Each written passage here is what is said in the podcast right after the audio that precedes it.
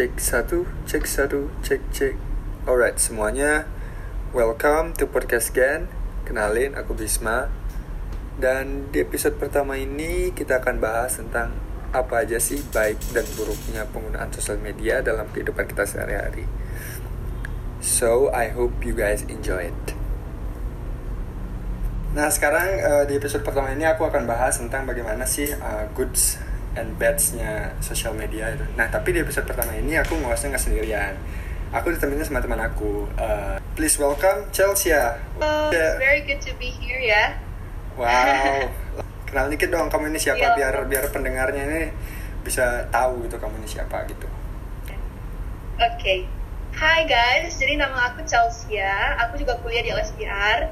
Em, sekarang sih sibuknya karena PPKM lagi ya. Jadi aku sih lebih banyak habisin waktu buat buka sosial media, terus juga Oh. sambil kerjain tugas-tugas gitu kan. Kita kan tugasnya banyak banget ya belakangan. Jadi uh, teman-teman uh, sekedar informasi aja Chelsea ini adalah salah satu teman aku yang bisa dibilang uh, nano influencer ya. Alasannya aku ajak dia adalah ya karena bisa dilihat gitu ya pengikutnya udah 5 ribuan lebih. Ya jadi aku rasa kamu ini aktif banget sih pakai sosial media. lumayan lah itu dapat pemasukan dari sosial media karena kan banyak juga brand-brand sekarang yang small business itu butuh bantuan gitu kan jadi kadang terima endorse gitu-gitu dari mereka dan aku seneng banget sih jujur bisa bantu mereka juga Ah, buat ngembangin iya, iya. bisnisnya kayak gitu ya bener banyak kan kalau misalnya influencers yang udah terkenal yang namanya udah gede gitu kayak misalnya kayak Aukarin gitu ya Hmm. itu kan satu satu kali promosi bisa berapa juta gitu dan kayaknya itu tuh berat banget buat small business jadi mungkin mereka larinya lebih ke nano influencers gitu Iya. Di masa pandemi kayak gini, ap- apalagi masa work from home gini ya, ppkm, psbb atau apalah sebutannya nanti, nggak nggak mungkin dong yang rumahnya itu nggak ada yang main nggak ada yang nggak main hp gitu maksud aku. ya ya benar ke- kalau aku baru bangun itu hal yang pertama yang aku ambil itu pasti HP karena aku ngerasa pas Iya. selama aku tidur aku ngerasa kayak 7 jam 6 jam itu aku kehilangan sesuatu gitu kehilangan berita gitu. Jadi aku baru bangun tuh langsung cek HP lihat ap- apa sih yang baru gitu. Ya bener banget. Selalu selalu pertama kali hal yang aku pegang setelah bangun tidur itu HP ngecek entah itu Iya. ngecek jam doang atau matiin Iya, iya. alarm. Itu Iya. langsung buka entah itu WhatsApp atau Instagram langsung aja deh tuh otomatis aja. Ya, kamu ngerasa nggak sih kayak pas tidur kamu ngerasa kayak ketinggalan hal ketinggalan berita gitu makanya langsung buka sosmed gitu Iya sih, kadang-kadang apalagi kalau misalnya lagi ada sesuatu yang kayak heboh gitu ya.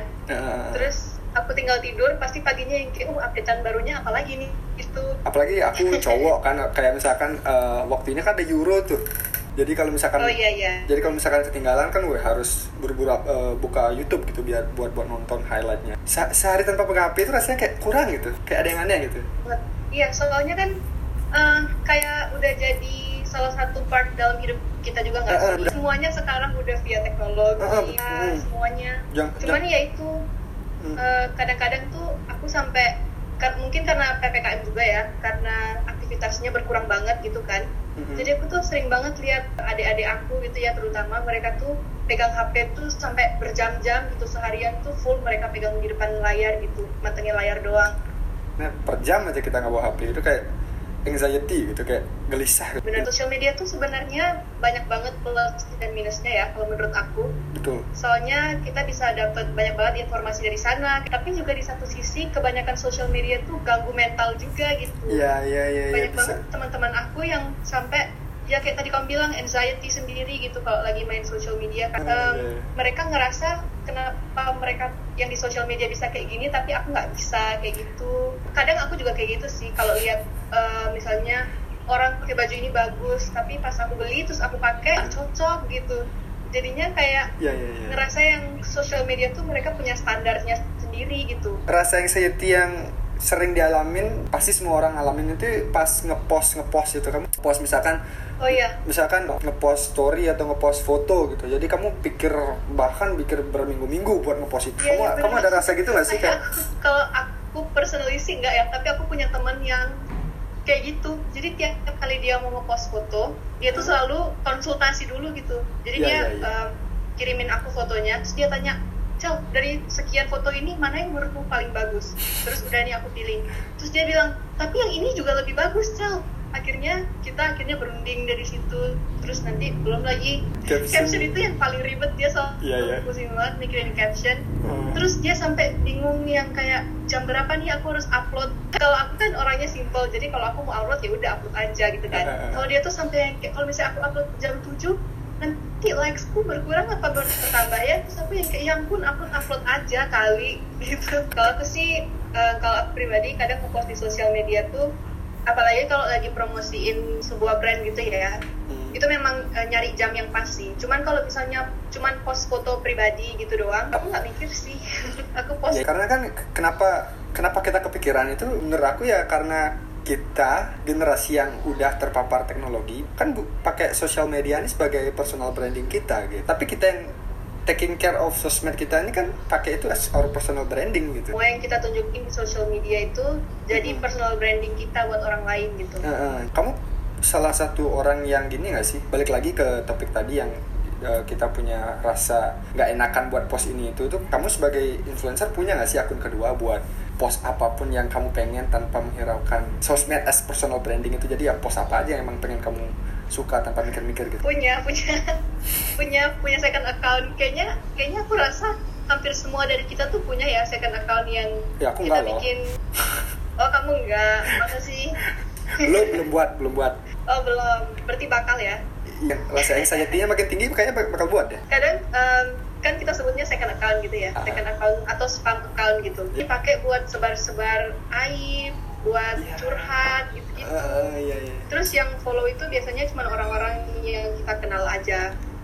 Jadi kayak nggak usah nggak usah jaim gitu loh di second account itu. Kita post apa aja yang kita mau nggak usah mikirin likesnya berapa komennya berapa. Pokoknya ya udah kalau kita mau post aja gitu. Oke, jadi yang saya ini menurut aku ya lebih ke individunya aja sih. Karena kan kalau udah ngomongin sosmed itu kita biasa suka banding-bandingin gitu kayak kayak tadi kamu bilang gitu iya benar apa yang kita post tuh belum tentu uh, di Bener. approve orang lain gitu Karena karena kita mikirin orang lain gitu. Kita mikirin apa yang orang lain Iya. bakal pikirin gitu kan. Eh, kalau aku Iya, post iya, ini iya. orang orang kiranya gimana ya? Kalau aku post story ini aduh responnya orang-orang kayak gimana ya kayak gitu. Padahal nyatanya Iya, iya. nyatanya nggak kayak gitu gitu loh. Nyatanya mau bodo amat Iya, orang-orang kan apalagi- sama post-postan kita. kalau udah post terus likesnya dikit terus banget sampai besoknya Iya, kepikiran banget parah kalau udah likesnya kayak nah tadi kan eh, kita singgung nih kalau sosmed itu sekarang udah bisa jadi sumber informasi. Kenapa bisa bilang kayak gitu? Karena Iya. mungkin banyak ya company media konvensional yang kayak yang ada di TV gitu yang kayak Global TV, MNC, Net gitu kan. Yang yang pelan-pelan gitu masuk ke ranah digital. Dunia digital ini kan bisa dibilang liar gitu. Jadi maksud aku eh, sosmed sebagai sumber informasi itu ya bagus sekarang menurut aku sih eh, sebenarnya kan kalau liatin berita Hmm. aku tuh suka eh, research dulu gitu loh kalau misalnya aku lihat Hmm. satu berita nih misalnya di dari accountnya Kompas gitu. Nah berita yang sama tuh aku lihat lagi di account-account yang lain. Jadi aku tuh Cross check tahu gitu ya? loh. Iya cross check gitu. Jadi beritanya nih solid apa enggak nih? Bener apa enggak? Siapa Hmm. tahu mereka Hmm. jadi sebenarnya balik lagi sih ke orang-orangnya karena soalnya kadang banyak banget juga ya teman-teman aku yang mereka tuh suka kemakan berita-berita kayak gitu. Jadi mereka jadi ka- kayak misalnya berita corona gitu kan sekarang. Banyak banget tuh berita-berita yang ditambahin bumbu-bumbu tadi. Sedangkan berita aslinya itu nggak separah berita yang ditambahin bumbu itu. Jadinya teman-teman aku pada parnoan. Hmm. padahal sebenarnya ya nggak separah itu juga kasusnya kayak gitu.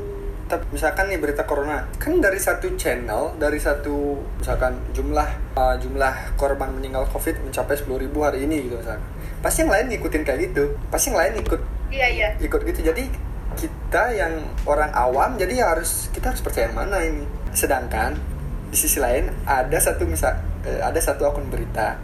Dia ini bawain berita yang beda. Oke mungkin intinya sama. Misalkan korban meninggal covid mencapai 10.000 hari ini. Ini merupakan pengalihan isu. Jadi itu kan kayak jatuhnya banyak orang yang baca berita itu gitu. Ketimbang berita yang emang emang kredibel tadi. Jadi ini berita satu dia muncul dengan berita yang sama cuma diisiin bumbu kayak pemerintah emang sengaja naik naikin angka covid gitu misalkan. Otomatis kan rame. Karena kan orang lihat bukan berita yang sama mungkin mungkin orang lihat udah bosan gitu lihat berita yang sama. Terus ada satu yang come up with different ideas mungkin bakal rame gitu. Jadi aku herannya ya orang-orang bisa lebih percaya sama berita yang kayak gitu sih. Berita yang sekadar beda tapi nggak tahu itu kredibel atau enggak kadang kan makanya dari kasus-kasus kayak gitu tuh kita harus belajar untuk lebih pintar lagi pakai sosial media Hmm, lebih bijak lagi biar kita tuh nggak kemakan berita-berita yang bohong gitu Mm-mm. boleh boleh suka konspirasi aku suka konspirasi cuma kita nggak bisa pakai berita konspirasi tadi sebagai sumber informasi kita gitu kadang makanya kan tadi aku Hmm. bilang juga kita harus lebih pintar lagi milih-milih berita yang ya soalnya kadang-kadang orang-orang yang bikin konspirasi mereka nggak bilang itu tuh konspirasi. Jadi kita sebagai pembaca ya harus memilah dengan lebih baik lagi yang mana ini yang masuk konspirasi yang mana yang emang berita beneran yang kredibel gitu. Kalau kamu perhatiin orang-orang konspirator lah kita konspirator itu bawain berita pasti isinya kayak menurut teman saya yang profesor dari Universitas Cambridge gitu mereka biasanya pakai kata-kata kayak gitu mereka biasanya pakai kalimat kayak gitu kenapa? Karena yang mereka pengen kasih tahu hal yang nggak mungkin kita bisa cross check gitu kayak kamu bilang tadi kita nggak bisa cross check siapa sih profesor yang dimaksud gitu. Jadi ya udah kita percaya aja gitu. ya benar banget. Kalau- kamu kalau kamu pah perhatiin gimana orang konspirator konspirator ngomong ya pasti kayak gitu sih. Kayak selain apa selain hoax ya di sosmed ini eh, terutama ya buat berita ya ba- banyak juga akun yang kasih berita setengah-setengah. Maksudnya ya mereka ambil beberapa part dari statement orang yang diberitain as a whole news gitu. Contohnya kayak Prancis yang dibunuh karena katanya menghina di karena menghina sorry nabi. Saat itu kan beritanya heboh banget. Ternyata cewek ini yang lap- yang laporan gurunya itu ternyata bohong. Si cewek yang laporan gurunya dari kelas bahkan saat itu. Jadi yang coba aku highlight di sini ya ya gimana Ya. cepatnya netizen ini saling sulut sih gitu maksudku. Karena laporan si yang benar bukan laporan sih jadi cewek ini mungkin cerita atau gimana terus media-media berita ini ya ngomporin gitu. Ini kayak satu support terus yang satunya support juga oh nggak bener tuh nggak bener. Terus yang lainnya juga kayak gitu. Jadi kayak banget lihat berita-berita kayak yang kayak gitu. Jadi hal hal yang sebenarnya itu mereka potong jadi hal yang nggak benar gitu. ya biar lebih menarik aja Iya, jadi kayak clickbait gitu. terlepas dari negatif sides-nya of sosmed ini, sosmed juga punya dampak yang besar juga bagi kehidupan manusia gitu. Dampak positif dari sosmed ini. Contoh paling gampang nih ya, yang gampang banget ditemuin, yaitu kita bisa donasi jadi lebih gampang. Kamu pernah donasi nggak Iya. di lewat sosmed? Pernah, pernah sering banget malah kadang di story Instagram gitu orang-orang Ya. post pakai kitabisa.com gitu Ya. bantu siapa. Aku pernah juga dan itu menurut aku membantu banget karena eh, waktu itu aku punya teman, teman aku Hmm. sakit. Terus dia pak eh, keluarganya buka donasi di Kitabisa dan itu cukup membantu sih walaupun cuman itu membantu banget sih dari donasi. Mas, wow mungkin lebih bantuan ke keluarganya gitu ya. Iya iya benar-benar. Kita eh, share di sosmed, terus dari sosmed itu teman-temannya akhirnya banyak yang sebar-sebar juga dari situ baru donasinya bisa kekumpul di kita bisa kayak gitu. Jadi sebenarnya Hmm. sosial media ini membantu banget sih. Ba- Bayangin kalau nggak ada itu kan, bayangin kalau nggak ada sosmed, gimana cara orang donasi coba? Selain selain donasi, dampak positifnya ya exchange culture gitu. Jadi kalau kalau nggak ada sosmed, kita nggak bakal tahu yang namanya BTS, kita nggak bakal tahu yang namanya Stranger Things, kita nggak bakal tahu yang namanya Money Heist.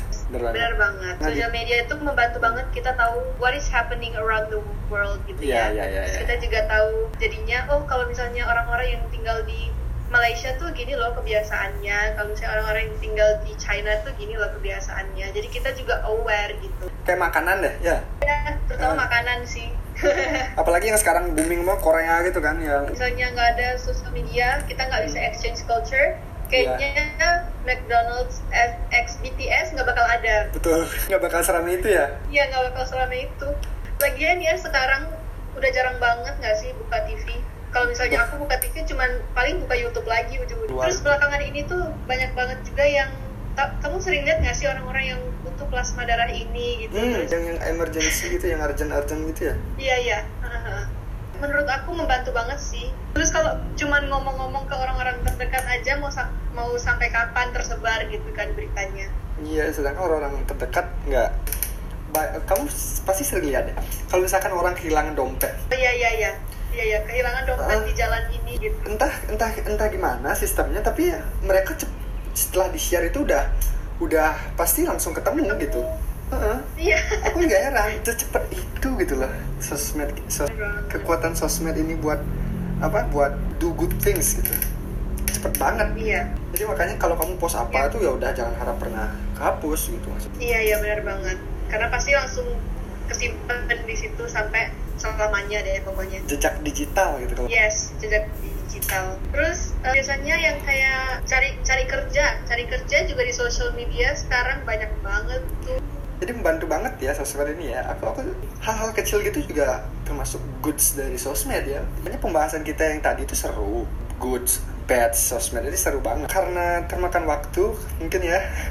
Jadi kita uh, ak- akhirin di sini ya Chelsea ya. Uh, jadi mungkin bisa aku simpulin Iya. bahwa sosmed ini nggak toksik sosmed ini nggak selamanya buruk jadi gimana cara kita bagaimana kita yang pakai sosmednya kalau kita pakainya Yes. emang buat bagus ya kita dapatnya bakal bagus gitu kalau emang kita carinya yang jelek ya kita dapatnya juga bakal yang jelek gitu sih oke Chelsea thank you I'm very happy I'm Thank you very so glad much to for have having me. Iya, aku, aku seneng banget bisa ngobrol sama kamu. Sama topik kita seru banget sih hari ini. Uh, nanti kalau misalkan ada waktu lagi, aku undang kamu lagi dan kita bisa obrolin hal-hal lain lagi. Oke. Oke, thank you so much. Thank you so much. See you. See you.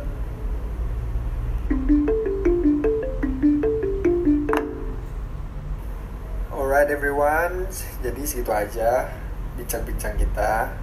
Aku harap kalian semua bisa enjoy dengan apa yang kita omongin tadi. And I'll see you guys in the next episodes. See ya.